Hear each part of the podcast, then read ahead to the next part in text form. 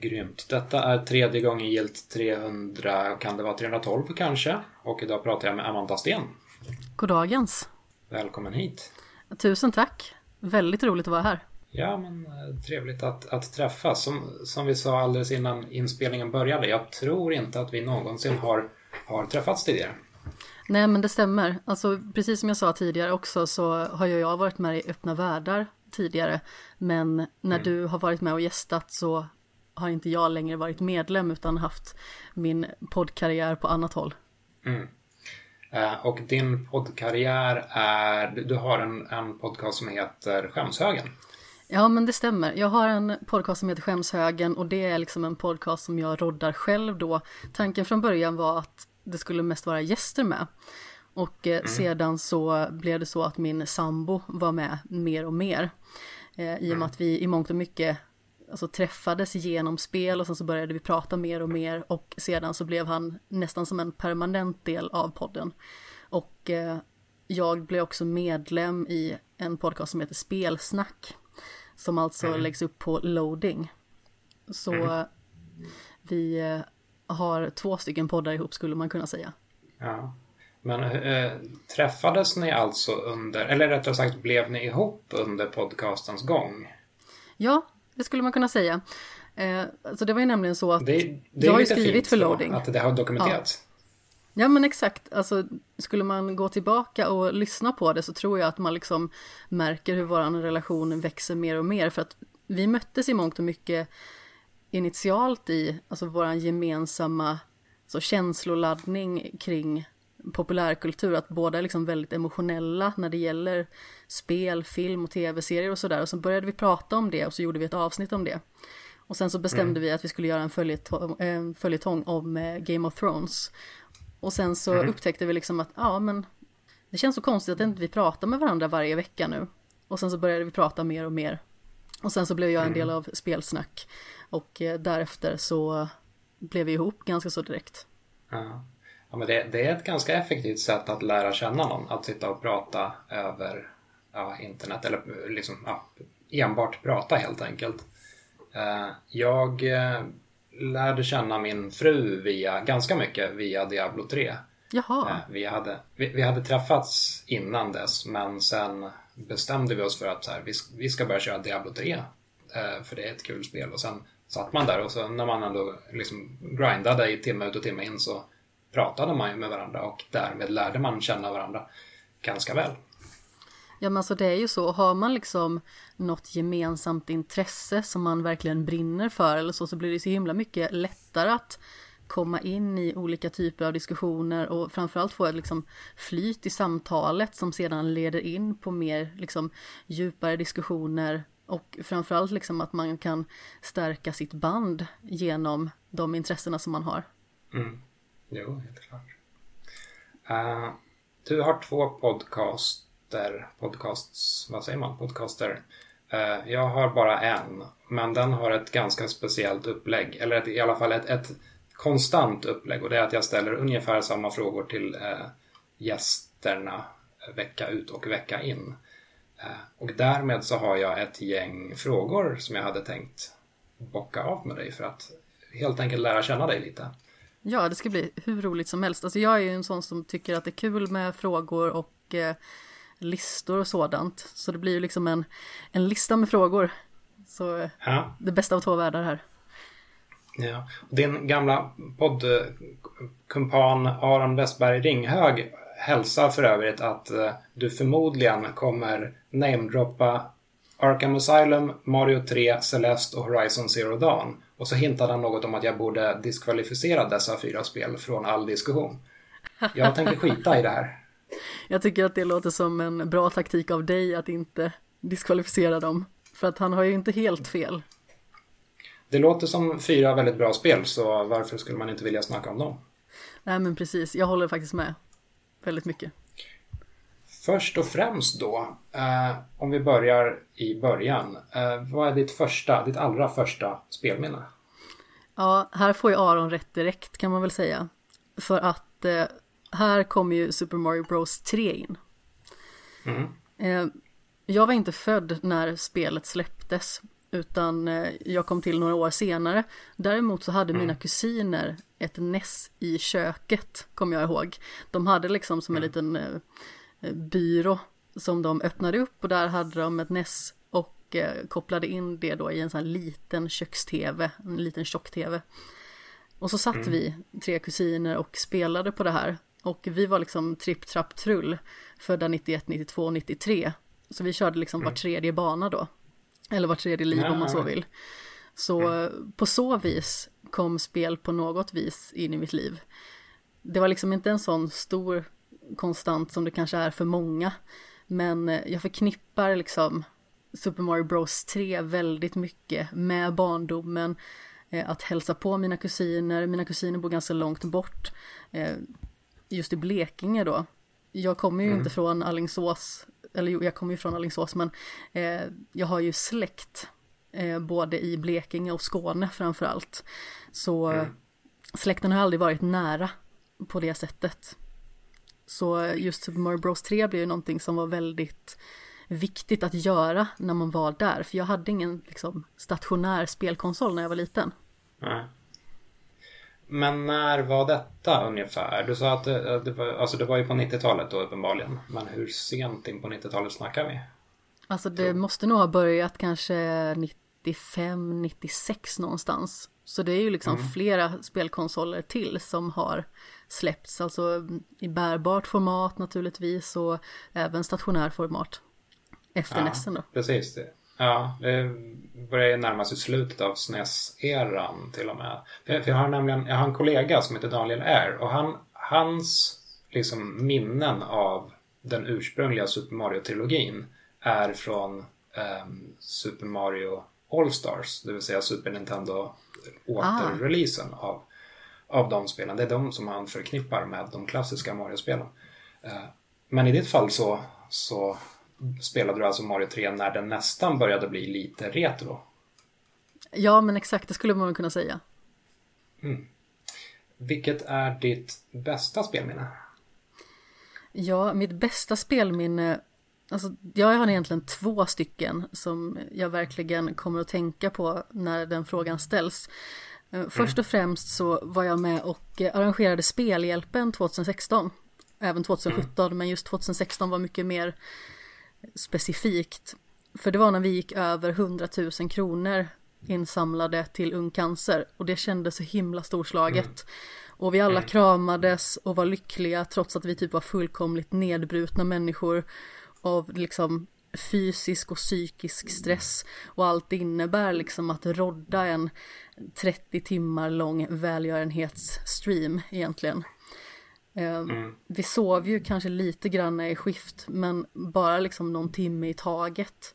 Så det var ju inte så att någon fick någon vettig sömn på något vis utan alla var verkligen halvt förstörda, ynkliga men ändå liksom väldigt lyckliga när det liksom blev en sådan succé. Mm. Och jag för minns, en eh, god sak också. Ja men precis, jag minns liksom när jag var på väg hem för att eh, jag var så trött och så nedbruten när vi gick över liksom 100 000 gränsen. Så att jag liksom, jag var nästan mest paff. Men när jag väl åkte hem, jag satt på, på bussen som ledde till tåget hem, jag bara bröt ihop och började storböla. För det var mm. verkligen så här, nu kom det ikapp mig liksom, att nu har vi åstadkommit någonting här. Mm. Men liksom en liten gladare not då, spelminne, det är faktiskt så sent som i somras. För att det, det var ju när Fall Guys Ultimate Knockout släpptes. Och eh, min nuvarande sambo då bodde tidigare uppe i Stockholm. Så det är ju mm. liksom nästan på varsin ända av landet då. Fyra och en halv timme, nästan fem timmar beroende på liksom om man har tur med vägen mm. eh, isär. Eh, och han eh, på grund av corona var nere jätte, jättemycket i Allingsås och eh, bodde här hela sommaren. Och då började vi spela Fall Guys jättemycket ihop och vi tänkte liksom bara att det kan ju vara någonting som vi kör typ en lördag eller så, så vi är nöjda. Men vi spelade nästan varje dag. Och vi spelade mycket. Mm. Och det var liksom höga skrik och skratt. Och vi hejade på varandra, vi tampades mot varandra, men det var liksom så himla, himla roligt. Och det känns liksom så mm signifikant för den här sommaren och eh, som Ja. liksom en eh, viktig del av den. När man egentligen liksom Ja. inte gjorde så jättemycket ändå. Även att läget i världen var ju liksom bättre när det var varmare såklart för att smittspridningen är ju liksom inte lika aggressiv. Men eh, vi höll ju oss fortfarande väldigt mycket för oss själva för att han är i riskgrupp. Så Mm. det var fantastiskt mysigt. Ja. ja, men spel är ju inte bara spelet i sig utan spel är även, eller rättare sagt upplevelsen av ett spel handlar ju även dels om när det släpps och även var man själv befinner sig i livet och vad man har för människor runt omkring sig. Så det, det blir ju, allting vävs ju ihop till en enda märklig upplevelse egentligen. Ja men precis, alltså jag tycker att det är en väldigt viktig aspekt i det hela. När spelar du ett spel och kan det vara liksom så att du är i ett visst stadie i livet där du är mer påverkningsbar? Alltså då kan ju det vara en upplevelse som är så otroligt mycket mer stark än om man hade varit någon annanstans. Mm.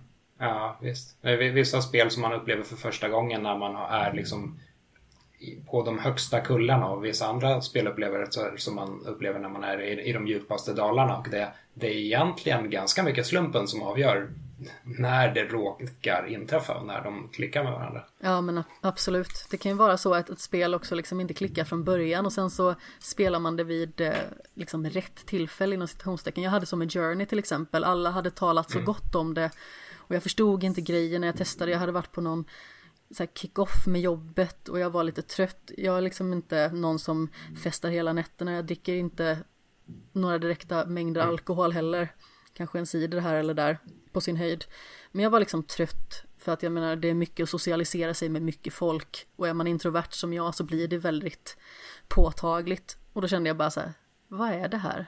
Jag förstår inte grejen, vad är det alla snackar om? Och sen en kväll när jag liksom satt helt ensam, det var tyst, det var mörkt. Jag startade spelet och så klickade liksom. Så det är väldigt mycket tillfället som gör det också. Jo, helt klart. Eh, om vi backar, eller jo, det blir backar från Journey i alla fall. Eller nej, det kanske blir spola fram lite från Journey. Nu trasslar jag in mig i min egen frågeställning här. Det jag tänker fråga är hur, hur hamnade du i, i eh, spelbranschen? Hur kom du på att eh, liksom, det var en bransch du ville vara en del av? Alltså det var ju en liten lustig grej egentligen. För det var inte riktigt meningen sådär. Jag halkade egentligen in på ett litet bananskal.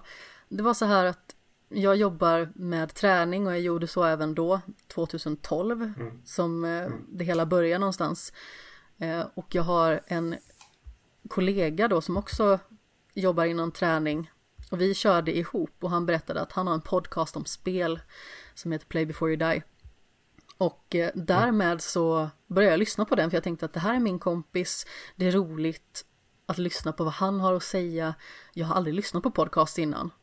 Eh, och Right. som sagt, jag började lyssna och sen så blev jag liksom så himla intresserad igen av spel. Det har liksom kommit och gått lite grann men det har aldrig varit ett huvudintresse för mig. Men det var verkligen ett intresse som då exploderade. Och eh, jag blev så himla nyfiken på vad spelvärlden hade att erbjuda. Mm. Sen några år senare så startade jag Skämshögen som blogg. Eh, och jag hade bara skrivit i någon vecka. Och så kontaktade den andra halvan av Play before you die mig. Som då Bob Sörbom som tidigare skrev för IGN. Och då sa han att eh, men det här ser ju riktigt trevligt ut med den här bloggen. Du har inte funderat för att skriva för en spelsida. Eh, och så visade han mig vägen till IGN och sen så på den vägen var det. Så när IGN lade ner sin eh, liksom svenska sektion då så hoppade jag över till loading och sen så blev jag kvar där. Det är ju egentligen lite lustigt då för tekniskt sett så har vi ju varit kollegor då i och med att jag också kommer från IGN och ja, den tidigare versionen av, av loading. Det var det att under min tid på IGN så höll jag mest till i, i, i, i podcastsektionen så att säga och inte så Ja, mycket i skrivarsektionen. Det var ju lite, lite uppdelat och så. Egentligen inte så här jättemedvetet tror jag. Det bara blev så på nå av någon anledning. Ja men precis och sen så kan det ju vara så när man liksom är inne i olika typer av projekt att man känner att man vill ge liksom sin fulla kärlek till liksom det specifika projektet och kanske det blir lite för mycket att både skriva och podda eller sådant. I synnerhet om man liksom har en mm. podcast som har någon form av kontinuitet. Det är mm. det som är så bekvämt för mig med skämshögen till exempel att jag kan ju släppa den när som helst. Jag har liksom som mål att släppa ett avsnitt i månaden. Men mm. blir det fler så blir det fler och det är ju alltid kul. Eh, medan spelsnack till exempel, det är ju varje vecka. Eh, så jag tror att den här veckan som var är nog första gången jag missade ett spelsnackavsnitt på väldigt länge. Mm. Ja, nej, men det, det, det, passar ju ganska bra in i skämshögens tema också att det kan vara lite oregelbundet om det nu är en podcast som på något sätt grundar sig i, just begreppet skämshög och att, att ligga efter. Liksom. Ja, men precis. Alltså jag försöker att inkorporera lite liksom, nyare saker också. Ibland kanske man har sett någon serie som man verkligen vill prata om som är ny. Men ofta så kan det vara liksom så att man pratar om eh, men, spel och tv-serier och film som eh, liksom har funnits på tapeten ett tag men som man inte har tagit itu med förrän typ nu då. Mm. Vilket var det första spelet du köpte? Kommer du ihåg det? Ja, det kommer jag faktiskt ihåg. Eh, det var Pokémon Blue till Gameboy. Mm. Mm. Och eh, jag tror att jag hade sparat ihop några veckopengar så att jag kunde köpa det på fyndhörnan i Allingsås. Det var en liten ja. sån här eh, second hand butik med allt möjligt ifrån liksom CD-skivor till eh, retrospel, DVD-filmer, böcker och så vidare som låg liksom på en liten innergård då i stan. Mm. Hade du siktat in dig specifikt på detta eller var det något av ett spontanköp? För i alla fall på eh, liksom skivtiden, när, på den tiden när jag köpt, fortfarande köpte skivor, då hände det ju ofta att jag spontanköpte någonting bara för att det hade ett ballt omslag och så, så här, ja men vi testar det här. Eh, och jag har nog ändå köpt, eh, även köpt ett par spel på så sätt också, typ Mischief Makers eller någonting. Eh, men hur gick det för dig med Pokémon Blue? Ja, det var ett spel som jag verkligen ville köpa. Alltså, ja. jag hade ju spelat den gula versionen först, så det blir lite omvänt i och med att den gula versionen är liksom en mer upphottad version skulle man ju kunna säga. Och jag hade ju mm. ett Game Boy Color då som jag spelade på. Och så tänkte jag att, eh, men, jag ville ju ha mer Pokémon för att jag tyckte att det var väldigt, väldigt roligt. Och det var något som jag väldigt investerade i under den tiden. Det var ganska perfekt i tiden för mig också i och med att jag är född liksom 92. Och eh, mm. när Pokémon blev stort i Sverige så var det ju liksom när jag var så här 6, 7, 8 år gammal. Mm. Så jag var ju perfekt i den målgruppen. Mm.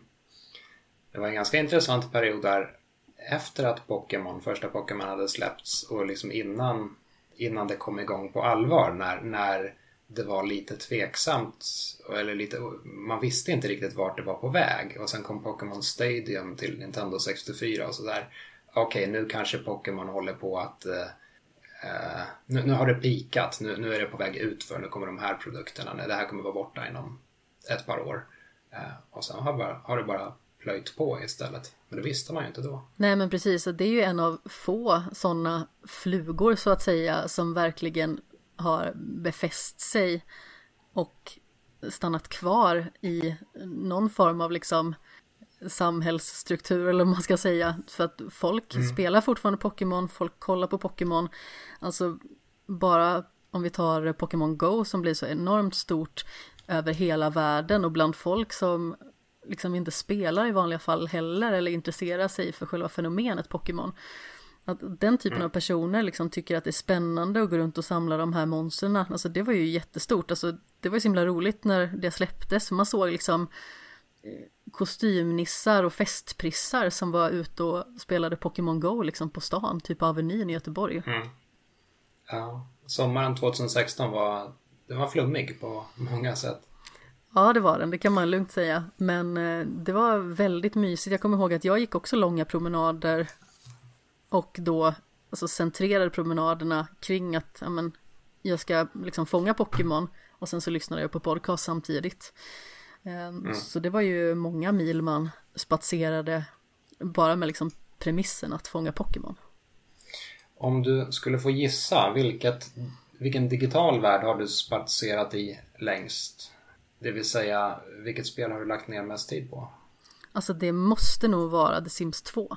Mm.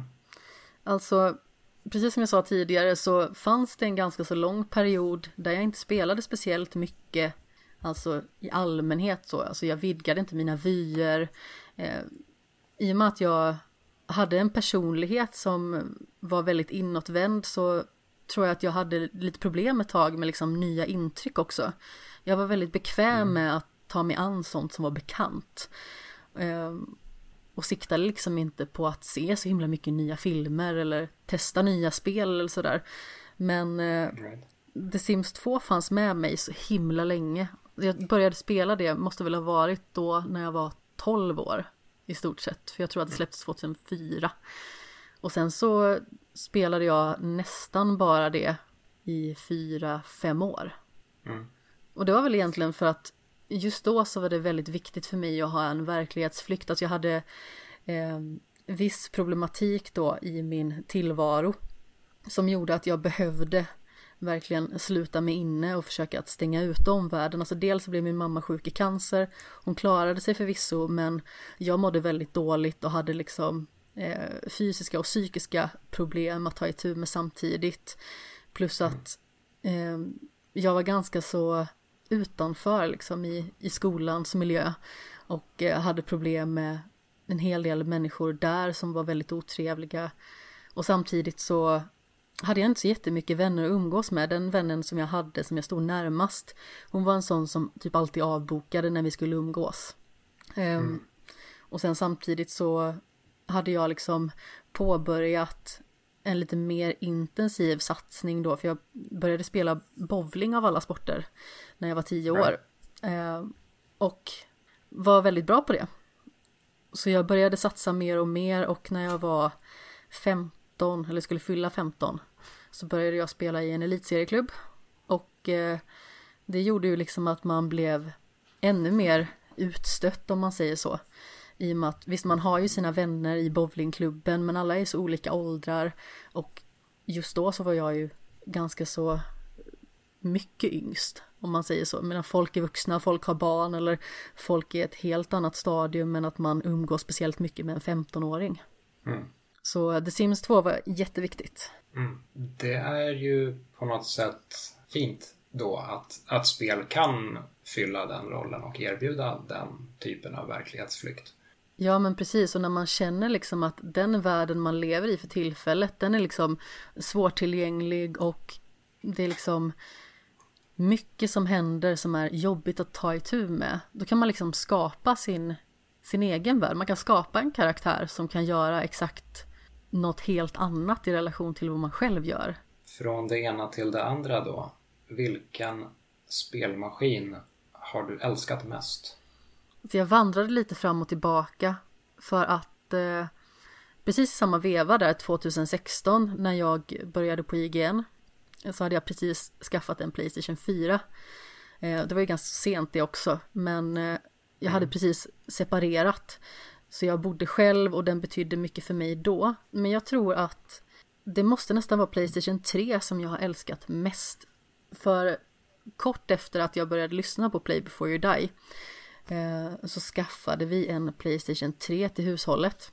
Och det här var ju sommaren 2013. Och det var ju liksom tanken att det skulle vara eh, en maskin som båda två då skulle spela på en del. Men det var ju nästan bara jag som eh, hade den konstant. För att jag var liksom så uppslukad av så himla mycket nya upplevelser och så många världar som jag aldrig hade kunnat tänka mig att ta del av tidigare. Eh, och, och spelsätt som var väldigt främmande för mig. Jag, jag hade aldrig liksom gjort en eh, resa genom en första persons skjutare tidigare på det sättet. Eh, och då spelade mm. jag Bioshock Infinite till exempel ganska så tidigt i min mm. då så här, spelcykel eh, på Playstation 3 och då hade ju eh, Playstation 4 liksom utannonserats och var på gång men jag levde väldigt mycket och väldigt länge på min Playstation 3 där jag verkligen slukade spännande upplevelse med hull och hår. Mm. Det var en väldigt, väldigt bra generation också. Ja men verkligen alltså. Det är många spel som jag önskar liksom att jag skulle kunna spela nu utan att behöva då plocka fram min Playstation 3. Den ligger faktiskt här i, eh, i skåpet på mitt skrivbord. Men ja, alltså det bär ju lite emot att plocka upp den och koppla in den och sen så är ju handkontrollen i relation till de två nyare handkontrollerna, alltså både DualShock 4 och DualSense då liksom, den är ju inte så himla bekväm. Den är ganska liten och även att jag har små händer så känns den liksom kantig och fumlig och mm. ja, den har inte samma ergonomiska bekvämlighet. Nej, ja, av de två som gick upp mot varandra den generationen så föredrar jag nog eller jag föredrar definitivt Xbox 360 handkontrollen. Liksom, om man bara jämför handkontrollerna rakt av med varandra. Eh, men, men det är sant, det, det, är, det tar emot att koppla in en gammal konsol för mig också. Och jag, samtidigt så är jag extremt eh, vad ska jag säga, rädd för att göra mig av med gammal hårdvara. Jag sålde min Super Nintendo en gång i tiden och har ångrat det för evigt. Under år. Ja, och sen dess så har jag liksom inte gjort mig av med konsoler. Så nu har jag ganska många gamla konsoler som jag vet någonstans djupt inombords att jag kommer aldrig någonsin koppla in det här. Den här kommer ligga i ett förråd till dagen jag dör och då kommer någon annan få slänga den här. Eh, ja men precis. Men jag, jag kan inte förmå mig att göra det.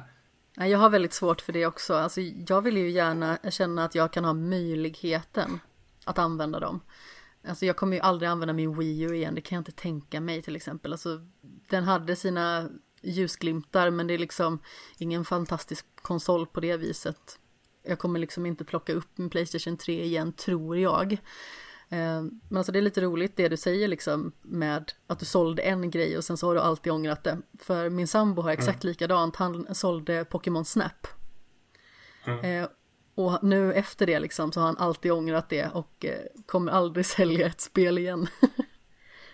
Nej, och det är ju, det, är, det känns som att det är en bugg i hjärnan det här. Det är, det är bara ett allmänt feltänk men det, jag, jag, vet inte hur jag hittar ut ur detta feltänk. Eh, så om, om någon har ett bra tips på hur man bäst säljer sina konsoler rent psykiskt så hör gärna av er. Ja, men alltså jag förstår också jag tycker att det, eh, det skulle liksom kännas märkligt att göra sig av med det. Man, man tycker ju mm. någonstans att vad ska den annars vara om inte hos mig? Den är ju min. Jag kanske kommer behöva den en vacker dag. Men man plockar ju liksom mm. inte upp det. Det kommer ju bara ligga i någon sorglig kartong liksom. Ja, och sen finns det så otroligt många så här mediokra spel som ligger där också. Så här, hur, kommer jag någonsin packa upp min PS3 och köra typ Bulletstorm? Nej, förmodligen inte. Låter osannolikt. Ja. Uh, vad spelar du just nu? Just nu så spelar jag Concrete Genie. Mm. Och det var ju ett spel som eh, man fick med Playstation Plus den här månaden. Så jag tänkte att jag skulle passa på för att det såg ganska så mysigt och intressant ut. Mm. Och det handlar ju i mångt och mycket om en pojke som har magiska målarkonster och som kan frammana andar och eh, magiska målningar i stort sett. Eh, ja. Och han ska då väcka liv åter i en stadsdel som eh, liksom har förfallit totalt och eh, har liksom tagits över av liksom mörkare makter på något vis. Så då använder han sin magiska pensel för att ge den här stadsdelen ett ansiktslyft. Och mm. eh, har då problematiken också samtidigt med att det finns ett gäng som mobbar honom. Så de måste man akta sig för under tiden. Och lura iväg dem så att inte de är i vägen när man ska stå och måla på någon väg någonstans. Mm. Det, om jag har förstått det rätt så, jag har inte kört det själv, men jag har hört att det ska vara hyfsat kort va? Alltså jag kollar ju oftast på How long to beat innan jag kör igång ett spel bara för att jag liksom ja. inte ska försätta mig i en dum sits ifall det typ är ett nytt spel som kommer som jag väldigt gärna vill spela till exempel. Eh, men det ska vara typ så här 5-6 timmar och jag började för någon dag sedan så jag tror att det, det är nog inte så långt kvar till slutet. Mm. Min tanke det... var ju Nej, fortsätt du. ja, nej, jag tänkte bara det. det jag, eh, jag gillar spel som inte tar allt för lång tid att klara. Jag, alltså, korta spel är ofta bra spel. Jag ser, kort, jag ser längd, en kort längd som en bra grej. Alltså jag håller absolut med. Jag tycker det är väldigt skönt när spel är lite mer kompakta och inte är långa för längdens skull. Det känns som att många spel är lite för stora för sitt eget bästa och det känns som att kärnan går förlorad lite grann då. Sen så betyder mm. ju inte det att alla korta spel är bra, men det känns inte som att man slösar lika mycket tid om ett kort spel är okej okay, i relation mm. till om ett långt spel är bara okej. Okay. Eh, alltså min plan var egentligen att spela Persona 5 Royal Eh, ja. Som jag också har påbörjat lite grann. Men jag studerar lite samtidigt som jag jobbar.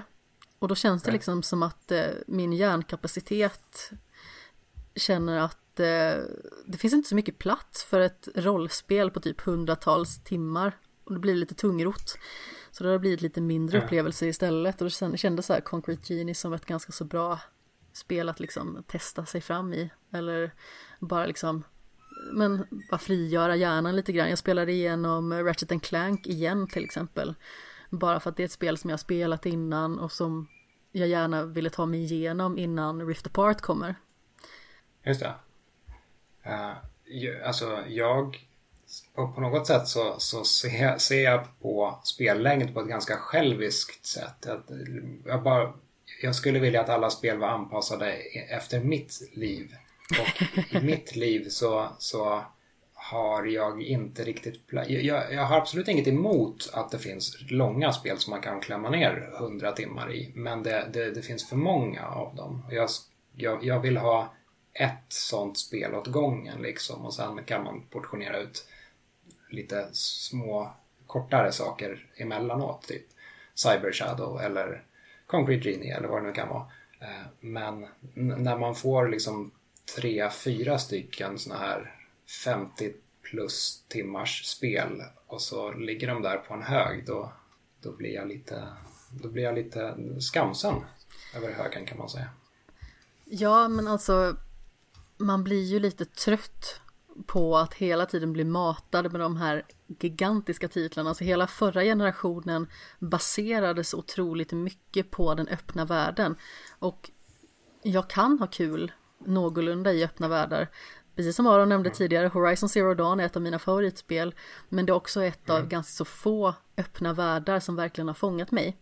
Och jag tycker att det är så många spel som anammade den öppna världen bara för att det helt plötsligt blev en grej. Precis som att mm, eh, under PS3 och eh, Xbox 360 generationen så var det väldigt mycket mer linjära spel som kanske var så här 10-12 timmar. Och sedan så övergick det i de här 50, 70, 90, över 100 timmar långa upplevelserna som känns som att de aldrig ska ta slut. Och det känns liksom som att man är på ett evigt sidouppdrag och aldrig kommer till gå på något vis. Mm. De öppna världarna under PS4 och Xbox One-generationen var ju någon slags motsvarighet till de coverbaserade tredjepersonsskjutarna för, för, från PS3 och 360 Absolut spelen som, som alla ville göra helt enkelt. Vilken, nu blir det allvar, vilken spelmelodi nynnade du på senast? Den senaste spelmelodin jag nynnade på var Weight of the World från Nier Automata. Oh, jävla bra spel. Jävla bra soundtrack. Ja men verkligen, alltså just soundtracket knyter samman spelet så himla väl och jag tycker att hur musiken alltså, spelar in i berättelsen, hur liksom olika typer av sekvenser i spelet tonsätts. Alltså det är så otroligt snyggt och eh, det får en liksom att känna rätt saker på rätt ställen. Mm. De skamplade verkligen inte bort det. Det är så himla tydligt i början också liksom när man känner någon form av äventyrsspänning då är musiken så himla suggestiv och man känner nästan som att man håller på att hoppa ur sina egna byxor för att man liksom är så exalterad och nu ska vi komma igång och nu ska vi slåss mot eh, stora skurkaktiga robotar och sen så blir det helt plötsligt väldigt känslosamt och eh, man blir så himla tagen av det. Ja. Jag jag gillar verkligen Nier Automata. Jag, jag hade väldigt trevligt med det. Samtidigt så känner jag att jag har lite svårt att rekommendera det till folk. I, eller så här, för att jag ska kunna rekommendera det till någon så, så känner jag att den personen måste vara ganska mycket en aktiv gamer på något sätt. Är man lite så här slö casual-spelare så, så misstänker jag, eller så är det bara jag som har fått för mig det, men jag, jag misstänker i alla fall att man tycker att Nier Automata är lite för konstigt och lite för så här ogästvänligt, oinbjudande på något sätt. Ja, men liksom bara själva tanken av att behöva spela om ett spel mer än en gång eller spela om olika sekvenser tror jag är väldigt skräckinjagande för folk i allmänhet och någonting som många kanske liksom inte vill ta i med tång. Och jag förstår Nej. det. Jag tror inte att det är ett spel för alla, men jag tror att de som tar sig an spelet, som är intresserade av att se vad grejen är med Nier Automata och verkligen tar del av alla viktiga frågor som spelet ställer. Alltså jag tror att de flesta som är villiga att ge sig in i det där kommer att uppskatta spelet på något plan. Mm.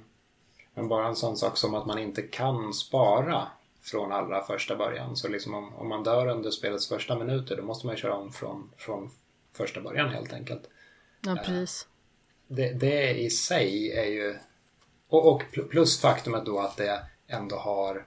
Alltså det är inget jättesvårt spel men det är heller inget jättelätt spel. Det har ju ändå det har någon form av svårighetsgrad. Och de två samspelar ju i att vissa spelare kanske helt enkelt inte kommer förbi introt och så bara det här var ett konstigt och jävligt spel. Det tänker inte jag ge mig Jag lider ju lite av den sjukdomen att jag går liksom inte in så himla mycket i menyer och lajar alltid. Och därmed så byter jag inte så jätteofta vapen. Utan ibland så kan jag helt enkelt liksom vara så himla bekväm med att ja, det här funkar bra för mig. Så då kom jag ju liksom till fabriksdelen i slutet av första varvet och mm. hamnade så himla tokfast. För att där var det en skurkaktig boss som var så himla knivig. Och jag kom liksom inte förbi den, jag kunde liksom inte för mitt liv begripa vad det var jag skulle göra. För att innan så hade det inte varit så svårt.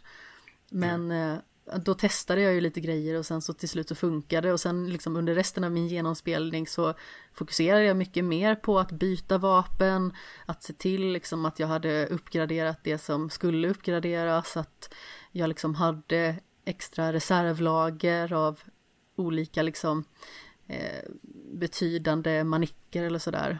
Alltså exempelvis så finns det ju möjlighet att, att kunna dela ut mer skada.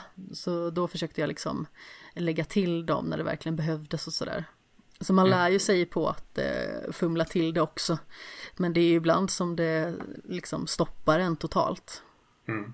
Vilken spelutvecklare ser du upp till? Och det kan vara både, både personer eller företag. Ja, alltså jag måste nog säga Supergiant Games faktiskt. Eh, de levererar liksom konstant högkvalitativa upplevelser som är så enormt kreativa och uppfinningsrika.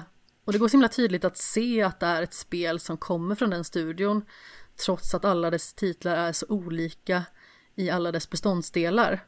Men det de liksom har gemensamt tycker jag är liksom att de är så kärnfulla och estetiskt slående. Alltså ta musiken och det visuella i alla de spelen så är de väldigt, liksom väldigt säregna. Men det är tydligt att det är ett spel från Supergiant Games. Och nu allra senast då med Hades som verkligen är ett så magiskt bra spel. Jag är helt chockad över att jag tycker om ett roguelike så mycket. Mm. Men de lyckades göra något säreget med det också. Alltså de tog de bästa komponenterna från de tidigare titlarna de har skapat, sammanvävde dem och sen så skapar de ett så himla intressant narrativ i liksom hela upplevelsen. Så att man blir liksom mm. investerad i karaktärerna även att det är ett roguelike som bara baseras på att man ska göra om och om igen, vilket kan vara väldigt alltså, bortstötande för många tror jag. Mm. Ja, Inte minst för mig. Ihop, de knyter ihop spelmekaniken och eh, världsbygget i, i en helhet på ett väldigt, väldigt elegant sätt. Och på ett sånt sätt så, som typ förstör alla roguelikes i framtiden. Jag, jag satt och bläddrade igenom lite, lite roguelikes på eh, Xbox Game Pass igår och så körde jag lite eh, Enter the Gungeon, lite eh, Moonlighter och lite, vad heter det? Eh, Neon Void tror jag att det hette. Eh, alla tre verkar så här ganska trevliga spel. Eh, men jag känner att så här, inget av det här kommer ju vara Hades-nivå på det. Så Nej men vad fan, precis. Varför, varför ska jag spela det här? Jag kan spela mer Hades istället. Ja men exakt, alltså jag kände ju så med Dead Cells var ju ett roguelike som jag tyckte var fantastiskt och som jag håller ganska högt i en genre som Mm. liksom inte tilltalar mig så himla mycket. Men alltså Hades sparkade ju Dead Cells röv i min mening. Mm. Vilket gigantiskt kliv det liksom tog i min typ lista av de bästa spelen som man kan spela. Ja. Eh, om du fick göra en ny del i en existerande spelserie och fick en eh, rimlig budget och ett team för detta. Eh, vilken spelserie, eller ja, vilket spel skulle du välja helt enkelt och vad skulle du göra med det?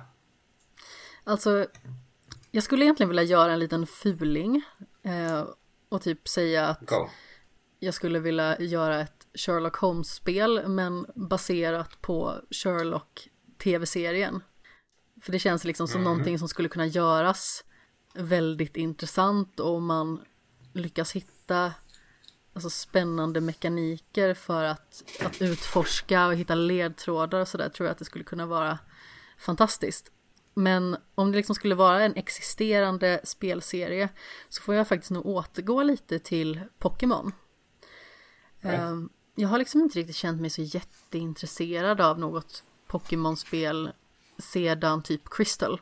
Det var först vid Moon som jag faktiskt testade och tyckte att det var väldigt bra. Men jag har liksom inte känt sådär att, ja men Pokémon, det vill jag, det vill jag spela nu. Eh, jag hade velat göra någon liksom form av eh, liknande resa som Fire Emblem gjorde med Three Houses där liksom att de skapade en värld där man faktiskt bryr sig mer om karaktärerna i spelet. Och eh, det är någonting som jag tycker att Fire Emblem har lidit lite för förut. Just på grund av att de har ett väldigt starkt karaktärsbibliotek, men jag bryr mig inte så mycket om karaktärerna, utan de är mer liksom häftiga att strategiskt manövrera för att mula fiender. Men Det är eh, tacksamt, det är tacksamt att, de, att det finns permadöd. Det, det talar ju för att man ska bygga relationer med karaktärerna. Så att det verkligen ska kännas när de klipps av. ja, men, det är precis. sant. Det, tidigare har de ju mest varit så här statsmaskiner. Ja. ja, men så nu kände jag liksom att Alltså den komponenten gjorde ju att jag brydde mig mer om karaktärerna. Sedan så är jag lite för feg för permanent död. Men eh, jag tycker att just Fire Emblem-konceptet är så otroligt roligt att spela. Men med liksom ett nytt Pokémon så hade jag gärna velat ha det i någon liknande miljö, alltså typ en skolmiljö där man lär sig om Pokémon, man lär sig fånga dem, man eh, har liksom kanske något litet äventyr som springer ur någon form av skolmiljö. Jag tror att det hade kunnat vara väldigt roligt och att det liksom inte blir någon form av så här, åh vi måste rädda världen scenario. Utan det är så här, jag börjar från grunden och jag vill bli bäst på att fånga Pokémon. Ja. Men om man kombinerar det här svaret med ditt förra svar så kanske vi har någonting. Eh, Helt enkelt ett Pokémon där Game Freak samarbetar med Supergiant. Eh, Sätt, sätt Hades-teamet på att göra ett nytt Pokémon. Oh, det hade kunnat bli väldigt flummigt. Ja, alltså inte, Och väldigt inte göra spännande. om det till en roguelike men, men få in deras eh, helhetstänk och deras eh, berättartekniker. För liksom även innan Hades Absolut. gjorde de ju ganska intressanta saker med Bastion och sådär. Jag tyckte ju väldigt mycket om Pyre. Det känns som ett spel som inte nämns så himla mycket i eh, spelsvängen utan det är liksom mest Bastion och eh, Transistor som eh, får liksom sitta på en piedestal medan eh, Pyre liksom är, jag vet inte, den avlägsna kusinen som ingen vill ta i. Men eh, jag tyckte att det var så himla roligt. Och, och framförallt liksom den här märkliga sportbolls infallsvinkeln. Alltså jag tyckte det var så kanonroligt. Det var ju typ det roligaste, alltså även att det var kul att se karaktärernas utveckling så hade jag så enormt roligt med att liksom försöka hitta kreativa sätt att göra mål på. Mm. Mm. Men okej, okay. ett Pokémon där man bryr sig om, alltså ett Pokémon som handlar lite mer om relationer utöver själva Pokémon-temat då. Så typ Pokémon möter Tokimeki Memorial. Memorial-ish. Ja, eller typ liksom så här nästan lite Hogwarts-stämpel på det hela, liksom att man, man bor på den här skolan och man skapar relationer med karaktärerna och med sina Pokémon och det är ett väldigt tacksamt ställe liksom att ha en rival på naturligtvis. Mm. Skulle det säkert kunna heta någonting i stil med så här Pokémon Academy eller Pokémon Ja, precis. High School. Sannerligen. Vad spelar du tillsammans med dina vänner? Nu på senare tid har jag ju spelat väldigt mycket Among Us. Mm. Mördat folk ja. i ryggen. Alltså, det har varit så himla många tokroliga upplevelser kring det här. Eh, och framförallt då att man kan ju inte lita på någon längre. det är helt otroligt. Och så sitter man där själv och försöker liksom övertyga sina vänner om sin oskuld, liksom att jag har inte gjort det här, ni måste tro mig. Men när de gör det till en själv, då tror man ju inte ett dugg på dem. De kommer ju bara vänta liksom på att eh, ingen har åkt ut och så kommer de eh, hoppa upp ur en ventilation och jaga mig till min död. Jag är helt övertygad. Mm. Eh, så det är helt galet roligt verkligen. Alltså, jag hade inte förväntat mig att det skulle vara så kul. Men vi spenderade jättemånga kvällar både i december och januari med att mula varandra liksom på de mest galna sätten och sätta dit varandra dessutom. Det såg så himla roligt ut när folk liksom stod i en klunga och så helt plötsligt så bara dör en person. vem är det som är mördaren? Det är ingen som vet. Mm. Det är ju ofta så med men, spelkoncept som, som är lite annorlunda och som får lite, lite traction och liksom drar iväg lite. Så spel som blir poppis helt enkelt. Där tänker man ju ofta så här, fan den här idén den är så enkel och så genial att det är konstigt att folk inte har gjort det här tidigare. Eh, och lite så är det ju här att så här, förråda folk det, det, det finns ju någonting så här någon slags mörkt eh, underhållningsvärde i det hela. Det, det finns ju eh, icke-digitala bara sällskapslekar som går ut på det här också. Typ ja, maffia liknande när man sitter och pekar på varandra om man har en mördare, om man har en sheriff och vad det nu kan vara, en detektiv kanske. Ja, eh, jag kommer ihåg när jag spelade spelade One Night Ultimate Werewolf också som är lite åt samma håll. Och jag tycker personligen att jag är ganska så dålig på att hålla masken. Men när vi som vi satt nu pratade över Discord, då var det ju tydligen en helt annan grej. För folk sa att de kan inte höra på min röst om jag ljuger eller inte. Vilket gör mig helt förvånad. För jag tänkte ju liksom att ah, jag kommer avslöja mig själv hela tiden. Men eh, sen så när man har spelat ett tag och spelat så mycket som vi har gjort. Vi har säkert spelat kanske 40 timmar tillsammans. Bara många. Och eh, då märker man ju sådana här små detaljer som folk gör. Så då blir det ju lite knivigare. Problemet är ju att just den här första rymdstationsbanan som eh, i stort sett går som en åtta, den är ju perfekt, verkligen. Men de andra banorna är inte lika lättillgängliga att spela. Så det blir lite repetitivt eh, efter ett tag. Vilket är väldigt synd för att hade de gjort en bana som var alltså lika bra, då hade livslängden kunnat bli ännu, ännu längre. Vad gör man egentligen med insikten om att man är väldigt bra på att ljuga? Alltså jag är... vet inte. alltså jag tycker ju inte att jag är bra på att ljuga själv. Och eh, det är någonting som jag liksom alltid har alltså, kunnat luta mig väldigt tillbaka med. Att jag liksom känner att men, jag är ärlig för att jag skulle aldrig kunna ljuga i någon situation. Jag, skulle, jag har väldigt svårt att liksom dra vita lögner också.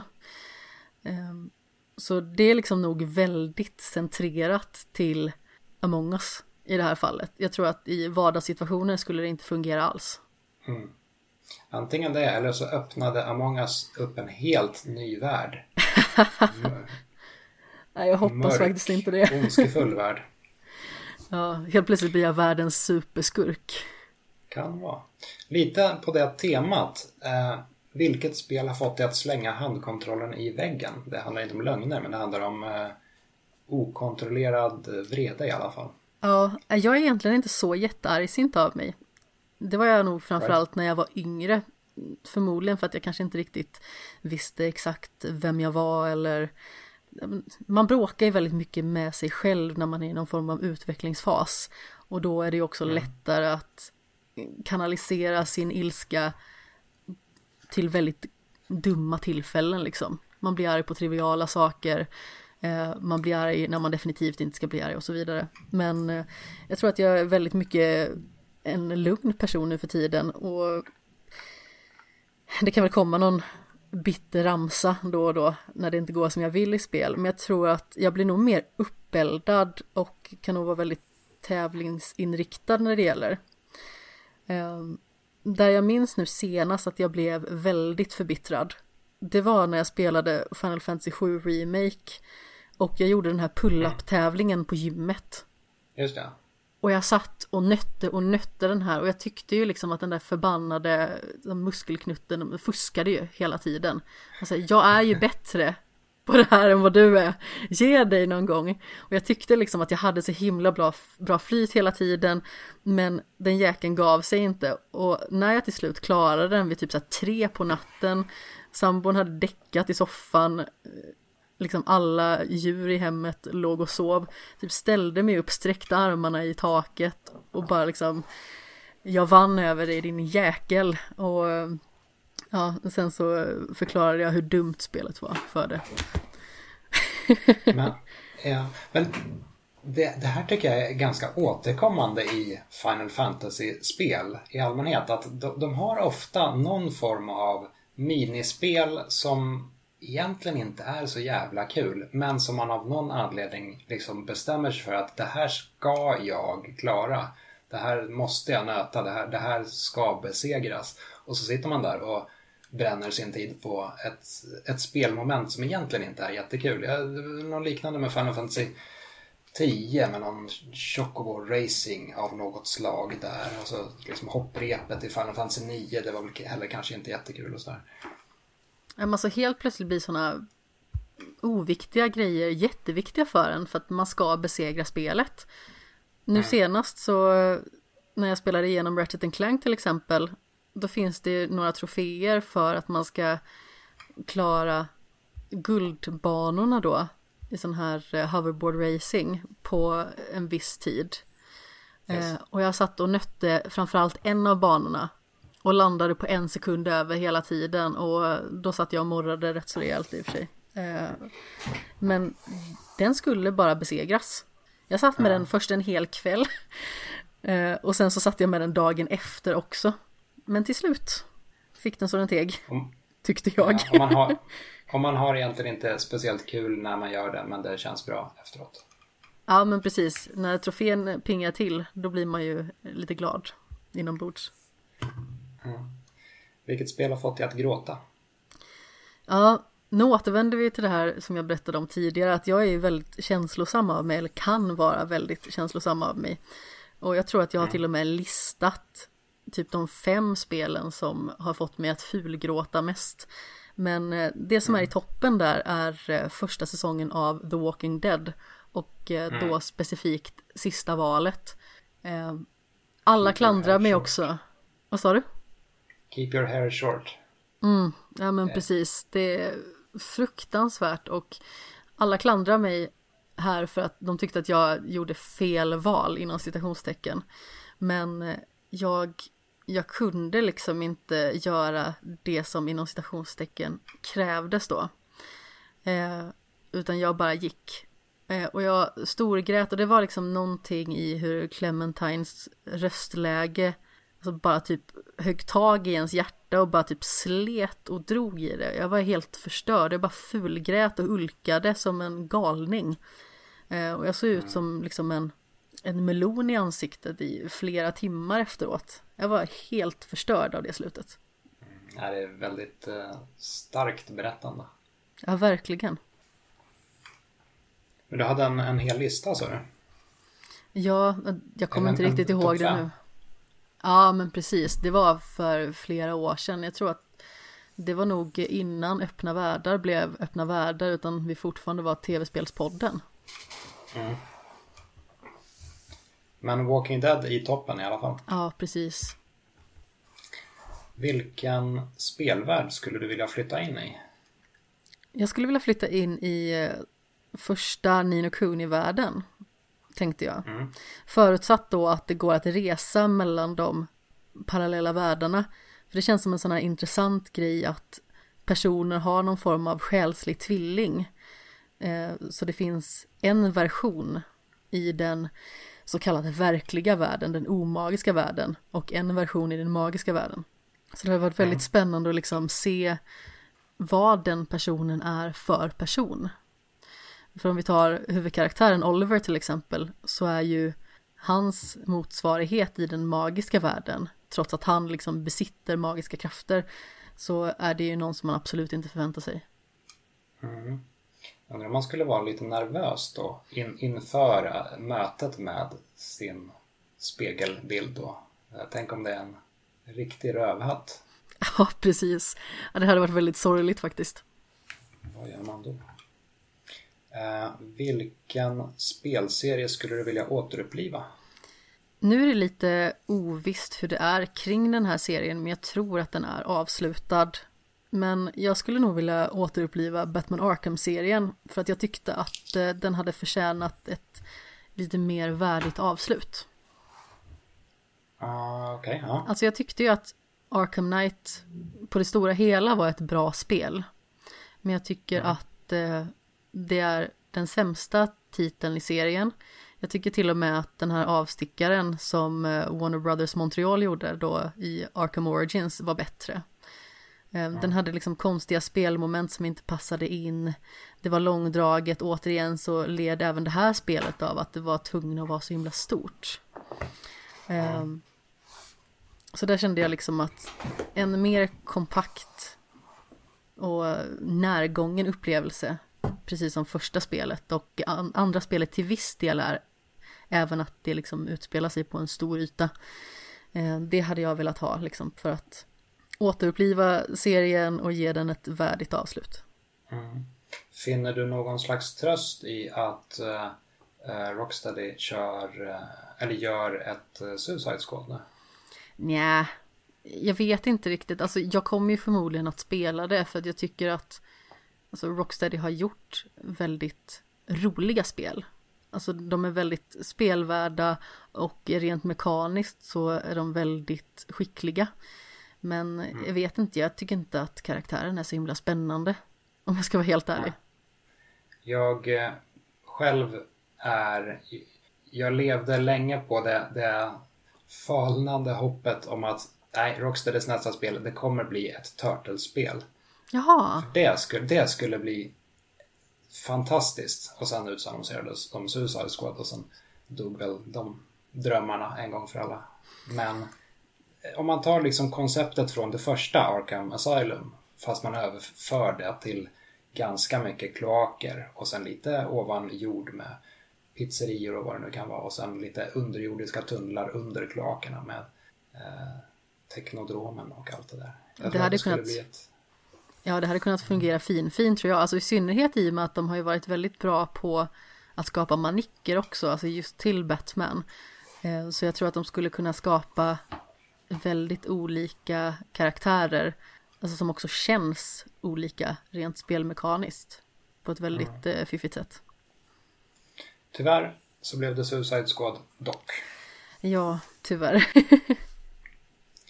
Vilken spelserie skulle du vilja lägga ner? Spegelfrågan. Alltså jag vet egentligen inte riktigt det här. Det enda som liksom kom upp i huvudet direkt är Call of Duty. Eh, när jag tänker på COD och på något vis dess onödighet så tänker jag i mångt och mycket typ vad är poängen med det egentligen? Eh, jag förstår inte och har aldrig känt någon dragning till serien och eh, dess oproportionerligt många titlar. Ja. Nej, men äh, absolut. Det är ett, äh, ett rimligt svar och tankesätt. Vilket är ditt favoritspel och framförallt vilken detalj i det gillar du allra minst? Ja, här får ju Aron rätt igen då. För här kommer Batman ja. Arkham Asylum som är mitt favoritspel. Mm. Alla kategorier. Och eh, det jag tycker om allra minst i spelet som för övrigt är liksom, det är 10 av 10 för mig. Men mm. eh, den sista bossen i spelet tycker jag är så otroligt överflödig. För det finns ju liksom ett tema i Arkham-spelen då att det finns någon form av serum, ett titanserum som gör att eh, om man injiceras med det så blir man gigantisk. Och eh, mm. Jokern liksom sprayar ju in det i sig själv så han blir någon form av gigantoversion av sig själv. Eh, och det är ju bara inte roligt, för då blir han ju en sån här mängdboss igen. Det hade varit mycket roligt om det hade varit mycket mer strategiskt i och med att Jokern är ju en väldigt, alltså mycket tänkande karaktär. Han gör ju galna saker och han är alltid ett steg före, minst. Mm. Eh, jag tycker ju att i övrigt så har ju spelet en del intressanta bossstrider. Alltså vi har ju Scarecrow till exempel, vi har Killer Croc som är en ganska tråkig karaktär egentligen, men som har en ganska så spännande och nervkittlande bossstrid.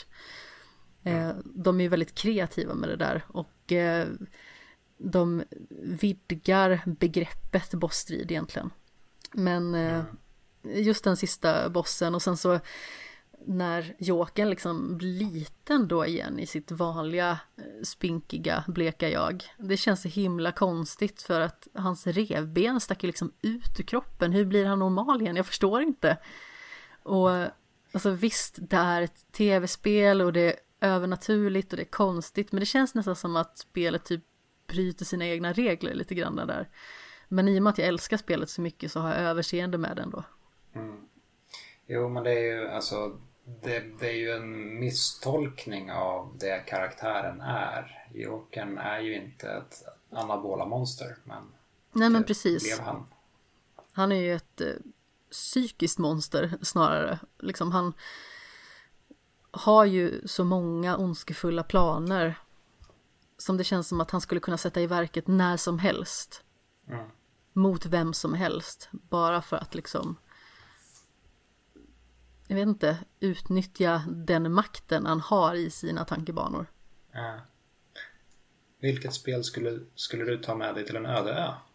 Jag får nog faktiskt vandra tillbaka till The Sims 2 här igen. Just för att det är ett spel som jag har spenderat så himla många timmar i. Och om man är på en öde ö så tänker jag att har man bara ett spel att spela så måste det vara någonting som man kan förkovra sig i och spela länge utan att tröttna. Och har man liksom spelat nästan uteslutande ett spel under fyra fem års tid då eh, fungerar det ju väldigt bra i min mening. Så, mm. Eh, lockas du av The Sims 3 eller 4?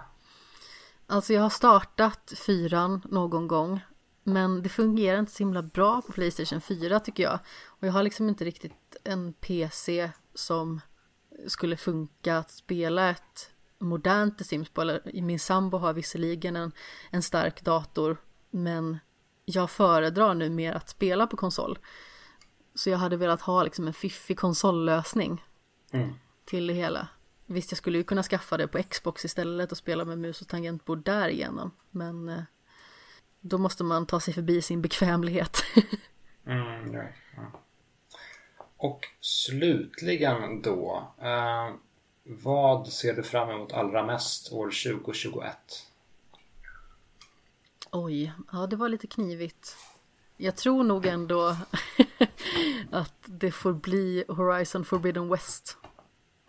Jag är så mm. otroligt nyfiken på att se vad spelskaparna kan ta en så liksom oväntad stor titel som Horizon Zero Dawn var. Och jag hoppas liksom att Guerrilla Games fokuserar mycket på Aloy och hennes karaktärsutveckling, vem hon är, vad hon är på väg i livet, hennes äventyr. Att det behöver liksom inte vara någon form av domedagsprofetia som det var i första spelet. Jag hade inte något emot det där, men det skulle nog bli väldigt upprepande om det var exakt samma sak en gång till. Mm. Nej, jag, är, jag håller med. Jag är väldigt nyfiken på, på Forbidden West. Um, inte minst eftersom jag, jag tyckte också att första spelet var, var ett väldigt bra spel. Uh, men en stor del av det som fick mig att fortsätta spela uh, första Horizon var liksom hela världsmysteriet. Det tyckte jag var överraskande intressant. Jag bara långsamt nysta upp varför saker är som de är och robotdinosaurier överallt och, och sådär. Ehm, och nu har man ju fått de svaren. Så liksom, vad går man vidare med berättandet? Och hur, Ja, jag älskade hur, mysteriet också. Det? Jag uppskattade verkligen den världen, alltså det känns ju som att hela premissen är ju lite utnött och inte så jätteunik. Liksom det här, åh, eh, den artificiella intelligensen tar över och sen så förstörs samhället. Och sen så tar det här spelet liksom avstamp i någon form av jägarstenålder där det liksom börjar om från början igen. Men just hela den här detaljen med att den här urbefolkningen då som existerar, de dyrkar maskinerna. De dyrkar teknologin som om det faktiskt vore en religion. Mm. Alltså det är så himla intressant den aspekten liksom på hur olika saker påverkar olika samhällen eh, beroende liksom på dess förutsättningar. Mm. För att teknologi är ju någonting som vi tar för givet idag till exempel. Det är ju en väldigt naturlig del av vårt samhälle. Medan man kanske tycker att hur kan man tro på Gud liksom? Det, det skulle ju kanske vara eh, märkligt för många. Alltså jag är inte troende själv. Sen så förstår jag att många tror på saker också för att det kan vara lättare att hantera Alltså många av sina egna problem, lättare att förklara att saker sker och så vidare. Eh, men, men just den infallsvinkeln är ju väldigt spännande liksom. Att det är ett primitivt samhälle och att man dyrkar det teknologiska istället. Ja. Vad är, vad är det man- säger? Man, eh, teknologi som är tillräckligt avancerad är eh, oskiljbar från magi. Ja, någonting sånt. Det lite bara nu innan spelet är släppt, alltså uppföljaren Forbidden West, så är det lite kul att spekulera i var, vart det kommer ta vägen. Och utan att ha spelat Forbidden West så, så känner jag ändå att måste man ändå inte gå lite åt Last of Us-hållet med det här? Det vill säga, första Last of Us fokuserade ganska mycket på världen och varför det fanns svampgubbar överallt och så. Andra Last of Us, där hade man redan fått världen förklarad och därmed så blev det istället en mycket eh, mer, en, en mänskligare berättelse, en, en personlig berättelse som fokuserade på karaktärsrelationer istället. Är det, är det inte den vägen man måste gå med Forbidden West också? Jo, men det låter nog rimligt faktiskt för att även att Aloy liksom på sin färd möter väldigt många olika individer så är det ju liksom ingen som hon klamrar sig fast vid på det viset utan hon i sin utstötthet vandrar sin egen väg hela tiden. Så det skulle vara intressant att faktiskt se henne ha, alltså helst en vänskapsrelation med någon för jag tycker att det är oftast att det är väldigt viktigt när kvinnliga karaktärer är i fokus att man måste ha en romantisk relation. Eh, men så man liksom kanske har en vän som man bryr sig om och som man liksom har med på färden. Som man kan knyta an till. Mm. Sen är frågan då om hur fantastiskt första Horizon än var. Är Gorilla rätt företag för att skriva ett liksom personligt relationsdrama? Jag vet inte. Jag har faktiskt ingen aning. Alltså, jag har ju, tror jag, bara spelat just Horizon Zero Dawn av Guerrilla Games tidigare. Så jag vet inte så mycket för övrigt vad de går för. Men eh, De gör ju bra spel men där Kill, Killzone var väl kanske inte känt som det mest mänskliga spelet någonsin. Nej, var namnet här eh, får en väl att tänka på annat redan från början. Ja, så här, snyggt designat, bra strider och sådär, kul värld men ja, relationerna, ja. Ja, det blir, det blir spännande. Höga Alltså, förhoppningar. Ja. Då så. Tack så mycket för att du ville snacka spel. Ja men tack själv, det var jätteroligt att få komma på besök. Ja, det var trevligt som sagt att, att eh, lära känna dig lite. Eh, var hittar man dig om man letar efter dig på nätet? Eh, Jag finns ju på alltså Twitter och Instagram i form av eh, snabel kapten Sten. Sten med två E. Mm. Och eh, sen så skriver jag för loading. Jag pratar i både spelsnack och i skämshögen. Så där kan man finna mig om man vill lyssna mer på mina tankar och tokigheter och ibland väldigt långa listor. Grymt. Och den här podcasten finns på Instagram på tredje gången podd och jag finns på Twitter på Viktor underscore Sjoström. Så det är så. Eh, och med det så tackar vi för oss. Tack så jättemycket.